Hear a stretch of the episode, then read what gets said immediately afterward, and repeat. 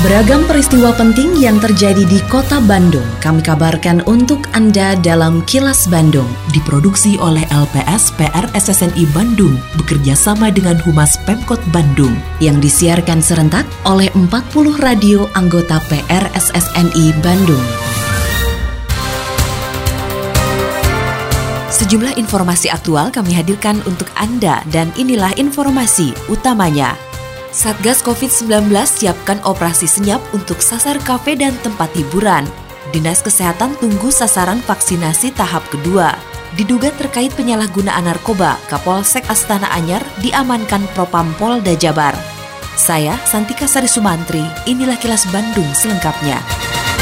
Ketua Harian Satgas Percepatan Penanganan COVID-19 Kota Bandung, Emma Sumarna, mengaku sedang merancang operasi senyap untuk menindak para pelanggar aturan selama pembatasan sosial berskala besar atau PSBB proporsional. Operasi tersebut diutamakan menyasar kafe dan tempat hiburan karena dua lokasi tersebut kerap melanggar Perwal nomor 4 tahun 2021 tentang pemberlakuan PSBB proporsional dalam rangka pencegahan dan pengendalian COVID-19 di Kota Bandung. Emma menegaskan dalam operasi senyap tidak akan melibatkan banyak orang, tapi hanya diikuti sejumlah unsur dan langsung ke target operasi agar penindakan berjalan secara optimal dan tepat sasaran. Bahkan tim Satgas sudah mengantongi sejumlah tempat yang membandel karena tetap melanggar meski sudah ditindak dengan sanksi denda dan penyegelan tempat. Dalam operasi nanti, Emma menyatakan tim Satgas bisa langsung memberi tindakan tegas termasuk pencabutan izin operasional. Makanya saya kemarin mintakan nantilah ada silent operation karena ya saya khawatir lah kalau terbuka begini bocor terus. Kalau bocor terus mah percuma. Kita datang mereka pura-pura tidak melanggar. Begitu kita meleng mereka itu melanggar. Nah itu saya pikir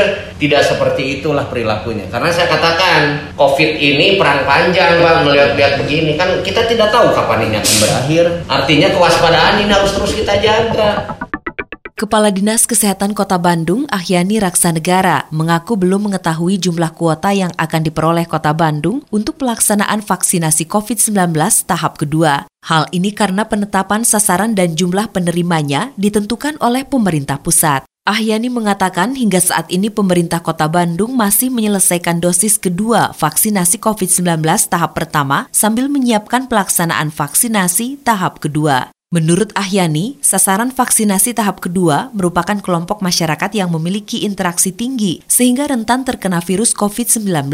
Mereka di antaranya pekerja publik seperti pendidik, pegawai pemerintah, TNI, Polri, Satpol PP, pelayan publik seperti BUMN termasuk wartawan. Meski tercantum dalam penerima vaksinasi tahap 2, nantinya jumlah penerima vaksinasi akan ditentukan oleh pemerintah pusat. Hal ini karena penetapan sasaran dan jumlah penerima vaksinasi sangat dipengaruhi oleh ketersediaan vaksin dari pusat. Kalau vaksinasi COVID itu sasaran ditentukan oleh pusat, demikian juga jumlah vaksin. Sampai dengan saat ini Kota Bandung belum menerima jumlah sasaran tahap 2 yang harus divaksinasi dan juga belum menerima vaksinnya. Profesinya mah itu TNI, Polri, pelayan publik, tokoh agama, ojol, pedagang pasar dan sebagainya. Buat tahap dua belum, sasarannya aja belum ditetapkan, jumlah vaksinnya juga belum ditetapkan. Sebanyak 2.300 tenaga kesehatan atau nakes dan petugas pendukung sektor kesehatan di wilayah Bandung, Jawa Barat mulai mendapatkan suntikan dosis kedua vaksin COVID-19 Sinovac. Koordinator Gebiar Vaksin Nakes dan petugas administrasi sektor kesehatan Jawa Barat, Nina Susana Dewi mengatakan, vaksinasi dilakukan selama dua hari di Gedung Sasana Budaya Ganesa ITB. Jumlah penerima vaksin pada hari pertama penyuntikan sebanyak 850 orang, sedangkan pada hari kedua berjumlah 1.450 orang. Nina berharap para penerima dosis pertama vaksinasi COVID-19 bisa datang untuk dilakukan dosis kedua. Jika berhalangan datang dengan alasan komorbid atau hal lain, maka penyuntikan akan dijadwalkan ulang. Jadi awalnya pada saat tanggal 3 yang awal tuh kita yang daftar tuh ada 3.300, tapi ternyata karena berbagai hal belum ada ketentuan untuk komorbidnya masih ketat. Jadi waktu itu yang daftar akhirnya yang lolos hanya hari pertama hanya 800 dan hari kedua ada 1400 ada sekitar 2200 yang lainnya dulu masih belum bisa. Tapi nanti dengan adanya perluasan screening itu ya jadi bisa tensi tinggi kemudian yang menyusui itu nanti masuknya mungkin ke kelompok setelah uh, bulan Maret. Gubernur Jawa Barat Ridwan Kamil mendukung pemberlakuan peraturan presiden mengenai pemberian sanksi bagi yang menolak vaksinasi COVID-19. Menurutnya kewajiban vaksinasi disebabkan oleh kondisi pandemi untuk meningkatkan kedisiplinan warga dan mempercepat penanganan COVID-19 di Indonesia. Ridwan Kamil menyatakan mereka yang sudah ditunjuk tapi tidak mau melakukan vaksinasi dinilai akan membahayakan keselamatan masyarakat dan negara. Pasalnya vaksinasi merupakan solusi penyelesaian pandemi COVID-19 selain melakukan protokol kesehatan. Tapi kalau lagi perang melawan COVID divaksin itu adalah kewajiban bagi yang sudah ditunjuk. Karena kalau yang sudah ditunjuk ditunjuk tidak melakukan vaksin, dia akan membahayakan keselamatan masyarakat, membahayakan keselamatan negara. Maka kalau ada sanksi dari peraturan presiden yang sudah dikeluarkan, saya kira saya mendukung karena itu akan mendisiplinkan dan mempercepat pandemi yang berkelamaan. Nah, tanpa vaksin apalagi solusinya? Di obatan orang mantegering kan, yang sehat, dinaikkan imunitasnya. Divisi Profesi dan Pengamanan atau Propam Polda Jawa Barat mengamankan Kapolsek Astana Anyar beserta 11 anggota Polri lainnya karena diduga terkait penyalahgunaan narkoba. Kepala Bidang Humas Polda Jabar, Komisaris Besar Polisi Erdi Caniago mengatakan, kronologis diamankannya Kapolsek Astana Anyar tersebut bermula dari adanya aduan masyarakat ke Mabes Polri yang ditindaklanjuti dengan meneruskan aduan itu ke Propam Polda Jawa Barat. Saat ini Kapolsek Astana Anyar beserta 11 anggota lainnya masih menjalani pemeriksaan secara intensif di Mapolda Jabar. Apalagi Kapolda Jawa Barat Inspektur Jenderal Polisi Ahmad Doviri sudah menegaskan berkomitmen untuk memerangi narkoba. Sehingga jika ada anggotanya yang terkait dengan penyalahgunaan narkoba, maka bakal diambil tindakan tegas. Meski dilakukan pengamanan terhadap Kapolsek dan sejumlah anggota Polri, Erdi Caniago menegaskan sejumlah layanan di Polsek Astana Anyar seperti pembuatan surat keterangan dan catatan kepolisian atau SKCK, juga sentra pelayanan kepolisian terpadu atau SPKT tetap berjalan normal.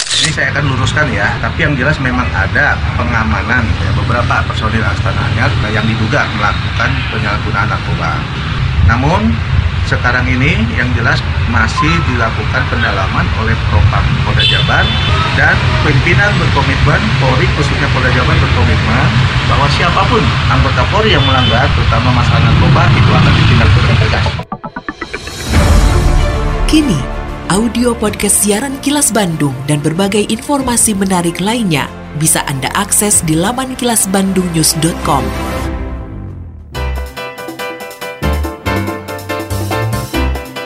Berikut sejumlah agenda kerja para pejabat Pemkot Bandung Kamis 18 Februari 2021.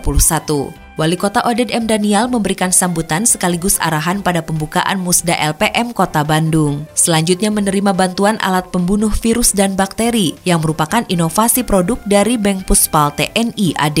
Agenda lainnya menandatangani trial agreement dengan PT HPP Energi Indonesia terkait pinjam pakai motor listrik untuk pemerintah Kota Bandung. Sementara itu, Wakil Wali Kota Yana Mulyana memberikan sambutan pada acara kick-off Pasar Bebas Plastik Ramah Lingkungan di hallway Pasar Kosambi. Selain agenda kerja para pejabat Pemkot Bandung, informasi dari Humas Kota Bandung, yaitu Wali Kota Bandung Oded M. Daniel, mengimbau seluruh organisasi kemasyarakatan yang berbasis kepemudaan dan otomotif untuk tetap produktif berkarya. Selain itu, organisasi harus bisa mengarahkan anggotanya berkreasi dan berkolaborasi bersama pemerintah Kota Bandung dalam menjalankan program pembangunan dan mampu turut menghadirkan manfaat besar bagi masyarakat. Demikian agenda kerja para pejabat Pemkot Bandung dan info aktual yang diterima redaksi LPSPR SSNI Bandung dari Humas Pemkot Bandung. Lindungi diri, keluarga, dan orang sekitar dari COVID-19 dengan selalu memakai masker, mencuci tangan dan menjaga jarak, serta menghindari kerumunan, juga mengurangi mobilitas. Patuhi protokol kesehatan di masa adaptasi kebiasaan baru untuk mencegah penularan virus corona.